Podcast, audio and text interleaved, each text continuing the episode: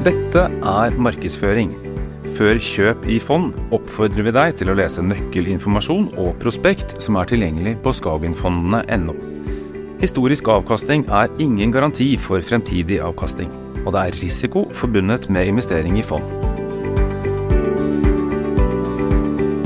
I denne utgaven av Skagenpodden så skal vi snakke om noe som de fleste av oss har et forhold til, men som vi kanskje ikke kan så mye om egentlig.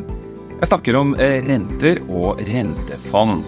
For um, i dag så skal du ha vært ganske bortreist hvis du ikke har fått med deg at rentene stiger, og det samme gjør prisene.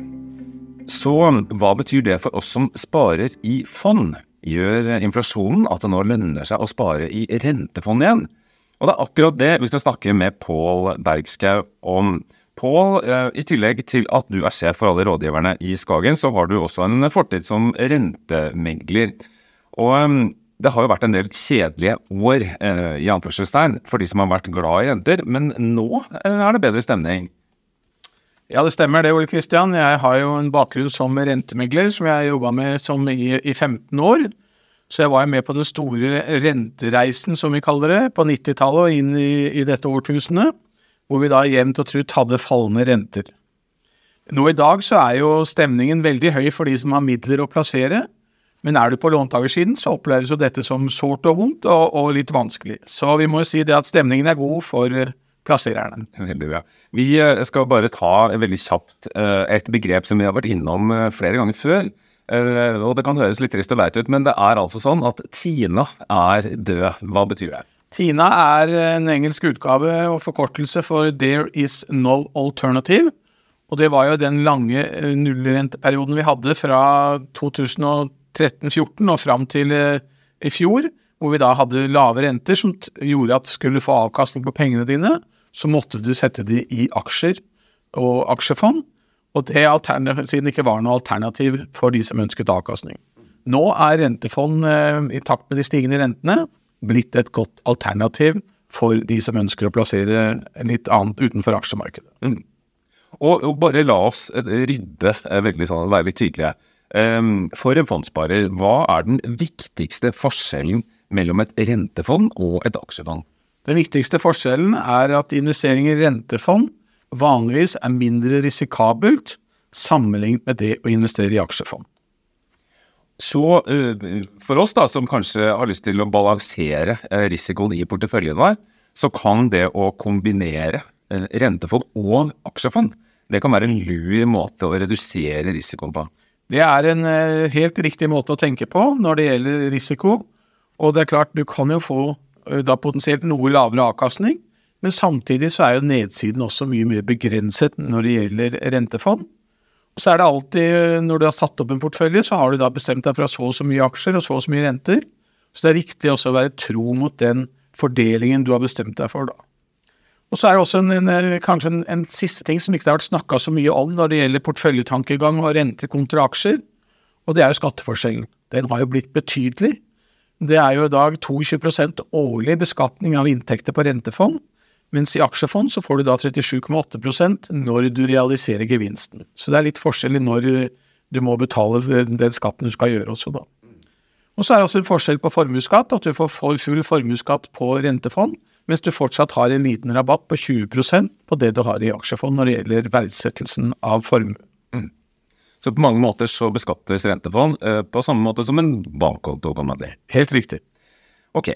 Eh, det betyr eh, dette er tiden for å vurdere rentefond, eh, hvis vi skal være litt tydelige. La oss ta det helt så grunnleggende først. Hvordan virker rentefond? Hvor kommer avkastningen i rentefond fra?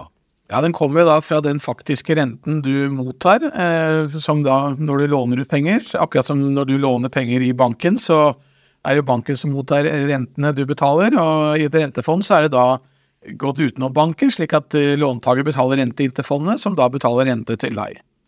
Den andre delen er at eh, prisen på selve obligasjonen, eh, og hva den meravkastningen du får i form av å, låne penger direkte til en annen låntaker, det er den andre delen som, eh, som, skaper avkastning. Og Her kan det kanskje være fornuftig, og siden vi da kommer inn på et ord som kan være ukjent for noen, nemlig obligasjon. Her er det lett å si at det betyr obligation, som på engelsk betyr da en forpliktelse.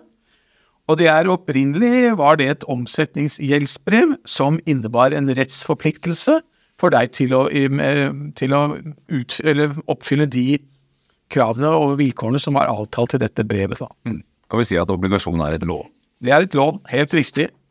Et omsettbart lån. Nettopp. Ok, så uh, det er to uh, steder hvor avkastningen etter rentefond kommer fra. Det har vi nå vært innom. Uh, og så sier vi vi snakker på en måte om rentefond som en fast størrelse. men det er jo ikke sånn. rentefond er ikke nødvendigvis et rentefond, så nå skal vi liksom komplisere det ytterligere. Det er forskjell på fond. Hvordan skiller man på de ulike rentefondene vi har? Ja, det er jo som, som vi sa, så får du da en rente for å låne penger. Og akkurat som du er i aksjer, så får du da utbytte ut fra selskapets overskudd. da. Og de som eier obligasjoner, får da en, enten en årlig eller halvårlig renteutbetaling fra låntakeren til deg som långiver.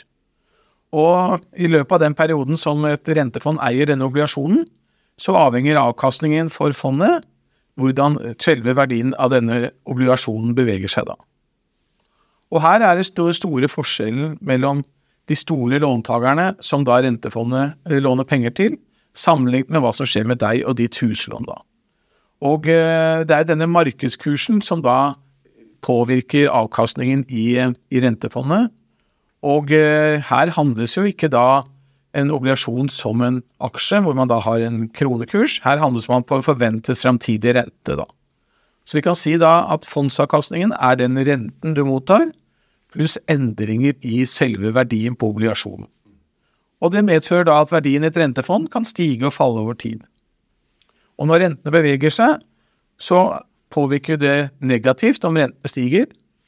Det høres jo ikke helt riktig ut å tenke intuitivt på det, men det betyr da at verdien av de, de rentebetalingene som fondet vil motta, er jo mindre enn om de da kunne plassere hele fondet i dag til en høyere rente. Og det motsatte er kanskje det viktigste når det gjelder rentefond. Faller rentene, så sitter jo da fondet med renter som vil ha, høyere verdi enn det om du skulle replassere fondet til en lavere verdi. Og da stiger fondets avkastning betydelig, siden da verdien av disse kontantstrømmene er mye mer verdt. Så en tommelfingerregel, hvis rentene stiger, så er det uh, ikke helt supert for avkastningen i et rentefond. Hvis uh, rentene faller, så er det gode nyheter. Men uh, hvordan henger det sammen da med, med skal vi si, økte styringsrenter fra Norges Bank? Det virker jo ikke helt intuitivt. Nei, og da er vi inne på det som kanskje kompliserer enda litt mer. Det er jo den renterisikoen som fondet har. Noen fond har jo da forventet at dette skal skje. De har en, i mandatet sitt mulighet til å plassere med en veldig kort løpetid. Det betyr at de raskere kan absorbere den nye renten inn i fondet, og ergo så blir jo da den mindreavkastningen din fort tatt igjen av den stigende renten.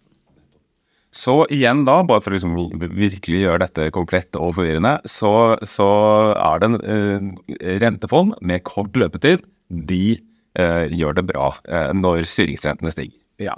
Akkurat som det er en fordel å ha flytende rente når du låner penger, så får du da raskt lavere rente.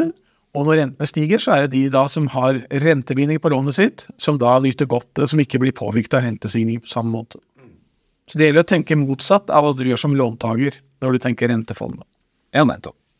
Um, I Skagen så har vi jo en rekke fond på plattformene våre, særlig da når det gjelder aksjefond, men også når det gjelder rentefond. Altså Skagen har jo to rentefond sjøl, altså Skagen avkastning og Skagen høyrente. Men eh, de har jo da langt flere rentefond også, i, tillegg til disse på, på handelsplattformen vår. Hva er forskjellen på disse rentefondene som vi har tilgjengelig? Ja, du er riktig som nevner. Vi har jo da fond med kort løpetid og høy kredittkvalitet, som Skagen høyrente og Storbrann likviditet. Og så har vi da fond med, med litt lengre løpetid og litt, eh, litt lavere kredittkvalitet, som Storbrann kort kreditt eh, investment grade og også Skagen avkastning. Og så har man da de som ønsker å ta større kredittrisiko, som Storbrann Norsk Kreditt og Storbrann Nordic High Og, og, på samme måte egentlig som i aksjefond, så er det sånn at hvis du tar høyere risiko, så kan du på sikt i hvert fall forvente høyere avkastning. Helt riktig. Og der tror jeg er veldig viktig at du som eh, plasserer penger, er veldig eh, trygg på hva du velger av de ulike fondene, nettopp fordi at det er jo ikke bare renterisikoen i form av at den er kort eller lang løpetid i fondet. Det er også ulike typer, som jeg sa her, med kredittrisiko. At noen har da valgt å kjøpe selskaper med lav risiko, mens andre har valgt å investere i selskaper som har en usikker eh, betalingsevne, som jobber i et marked hvor man da kanskje ikke har jevn, trygg inntekt på samme måte som du har hvis du har en leietager i et kontorbygg. Det er jo, gitt at leietageren da jobber i en trygg bransje, en stabil kontantstrøm. Men så er du dermed da i, i shippingbransjen, hvor eh, da ratene som skipene mottar, svinger veldig. Så kan det medføre at de kan eh, problemer med å betale av og til. Og det betyr at du da skal må betale en høyere rente for å låne penger. Da. Nettopp. Så det handler litt om hvor eh, skal vi si, solid eh, selskapet som låner ut disse pengene, altså disse obligasjonene, eh, er. Ja. Og det er jo alltid som, som ellers i livet. Hvis det er for godt til å være sant, så er det ofte det. Og har du da et Hvis du er veldig frista til å investere i et såkalt high yield-fond, så er jo der en betydelig høyere risiko enn det er i et, et fond som har lav kredittrisiko. Ok, vi skal gå litt videre til neste begrep, som nok veldig mange har kjennskap til, men som kanskje ikke ja, Sammenhengen med rentefond er ikke helt innlysende, og det er effektiv rente. Um, de som har boliglån, de har hørt om det og, og har kanskje et forhold til det. Men uh, hva betyr dette, når, altså effektiv rente, når det kommer til rentefond? Ja, Her må du jo følge med, da. For her kan du fort uh, la deg lure. Og veldig kort forklart så er den, den, samlede effektive renten for alle plasseringene i fondet slått sammen. Og, og, det betyr ikke nødvendigvis at det er effektiv rente som du får hvis du er investert i et rentefond. Helt riktig, det er ikke det du får. For den antar at du replasserer alle de rentebetalingene du mottar, til den samme renten som det fondet har i dag. Og det skjer jo ikke, i og med at rentemarkedet beveger seg opp og ned hver dag, avhengig av forventninger til alle aktørene som opererer i markedet, og også forventningen til hva som vil skje i framtiden. Så når vi sier at en effektiv rente er 4% så legger vi til grunn at du åpner 4% på alle plasseringene dine. Og det er klart, eh, her er det viktig da at eh, sånn som vi har sett tidligere, i 2020 så steg jo rentene brått og brutalt. Og da var jo den effektive renten uh, misvisende for kunder sånn sett at, at når den effektive renten ble høy på kort sikt, men så falt den raskt ned igjen når rentene falt tilbake da. Nettopp. Så man kan bli litt lurt av dette begrepet effektiv rente. Man tenker at det er det jeg får, men det er det slett ikke alltid. Nei.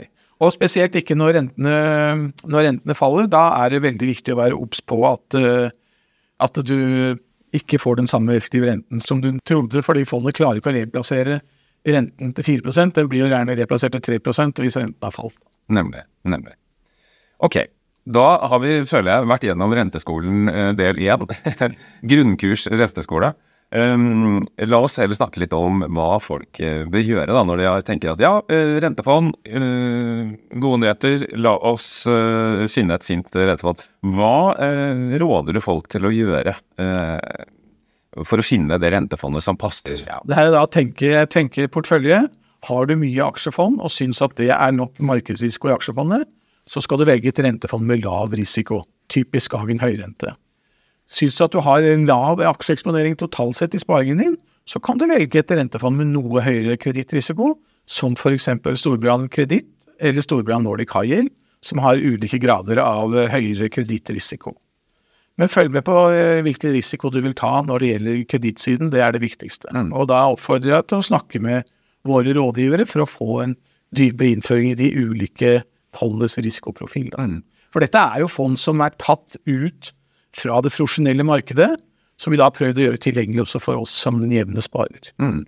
Ikke sant? Så du kan altså få øh, øh, produkter eller fond som øh, tidligere var forbeholdt proffene. Men da gjelder det altså å vite hva du gjør.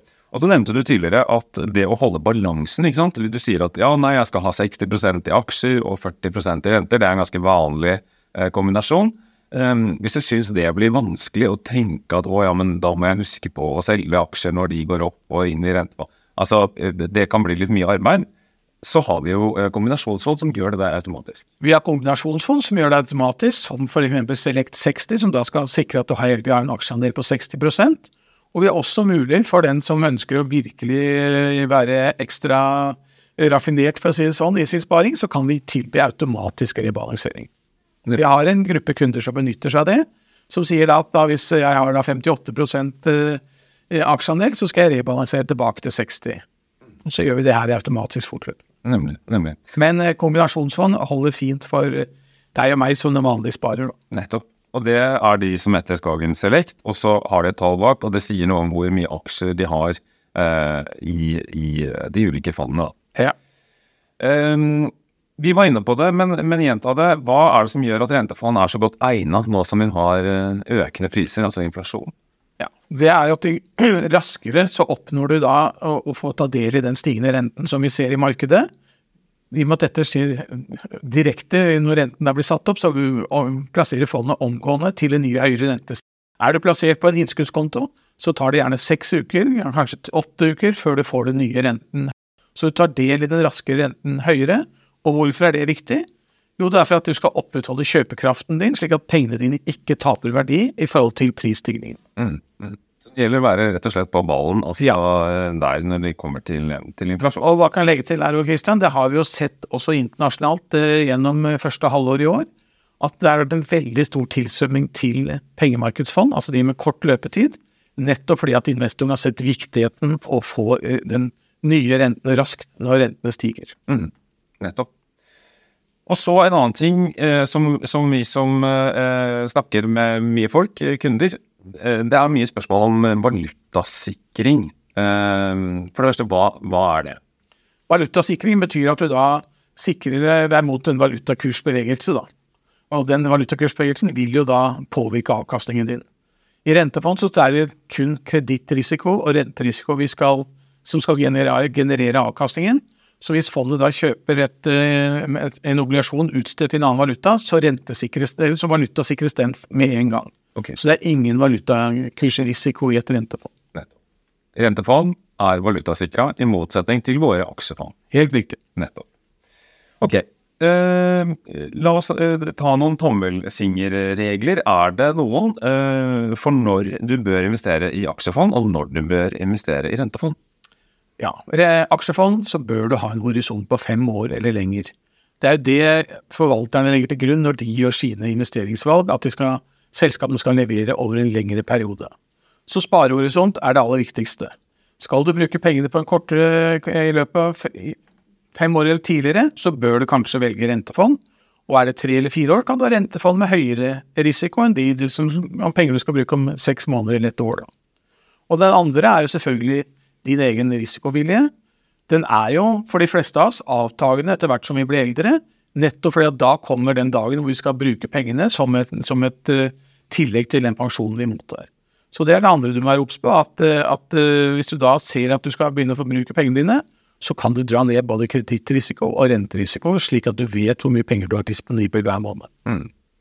Og så handler det da også litt om, om nattesøvn. Så de som syns det er ubehagelig å, å, se at ting svinger opp og ned, så kan et rentefond i hvert fall bidra til eh, noen roligere netter. Nattesøvn er undervurdert, og samme er eh, magesmerter. Har du vondt i magen, så har du for mye for høy risiko. Det er også en gyllen regel. Det er det bare en kur mot, og det er å ta ned risiko. Nemlig. Veldig bra. Eh, vi skal prøve oss på en liten oppsummering. Uh, nå er det sånn at inflasjon og renteøkninger gjør at avkastningen i rentefond er bedre den har vært på lenge. Hvis du husker at Tina nå har avgått ved døden, stakkar. Um, det finnes ulike typer rentefond med ulik risiko. Og Har du kort tidshorisont eller veldig lav risikovilje, så kan det være lurt å plassere deler av kapitalen i et såkalt likviditetsfond. De rentefondene altså med lavest risiko. Og så uh, eh, syns ikke jeg at det skal være snakk om enten-eller. Du kan fint kombinere rente- og aksjefond, sånn at du får den porteføljen som passer deg. Uh, det letteste er å velge et kombinasjonsfond med den kombinasjonen av aksjer og renter som du syns uh, passer best. Og som alltid, hvis du lurer på hvordan du skal gjøre dette så foreslår jeg at du tar kontakt med en av eh, våre mange flinke rådgivere. De er på plass for å hjelpe deg, og de har eh, stor innsikt og kan dette til fingerspissene. Og det hjelper deg så gjerne. Pål, noe til slutt? Nei, det er som jeg tror er riktig bare å ta hensyn til hva du selv føler at du er eh, Hva som passer for deg. Det er den gylne regel eh, i eh, sparemarkedet. Velg den profilen som du er trygg på, og som du sover godt om natten med. Vi lar det være siste ordet. Tusen takk for at du hørte på.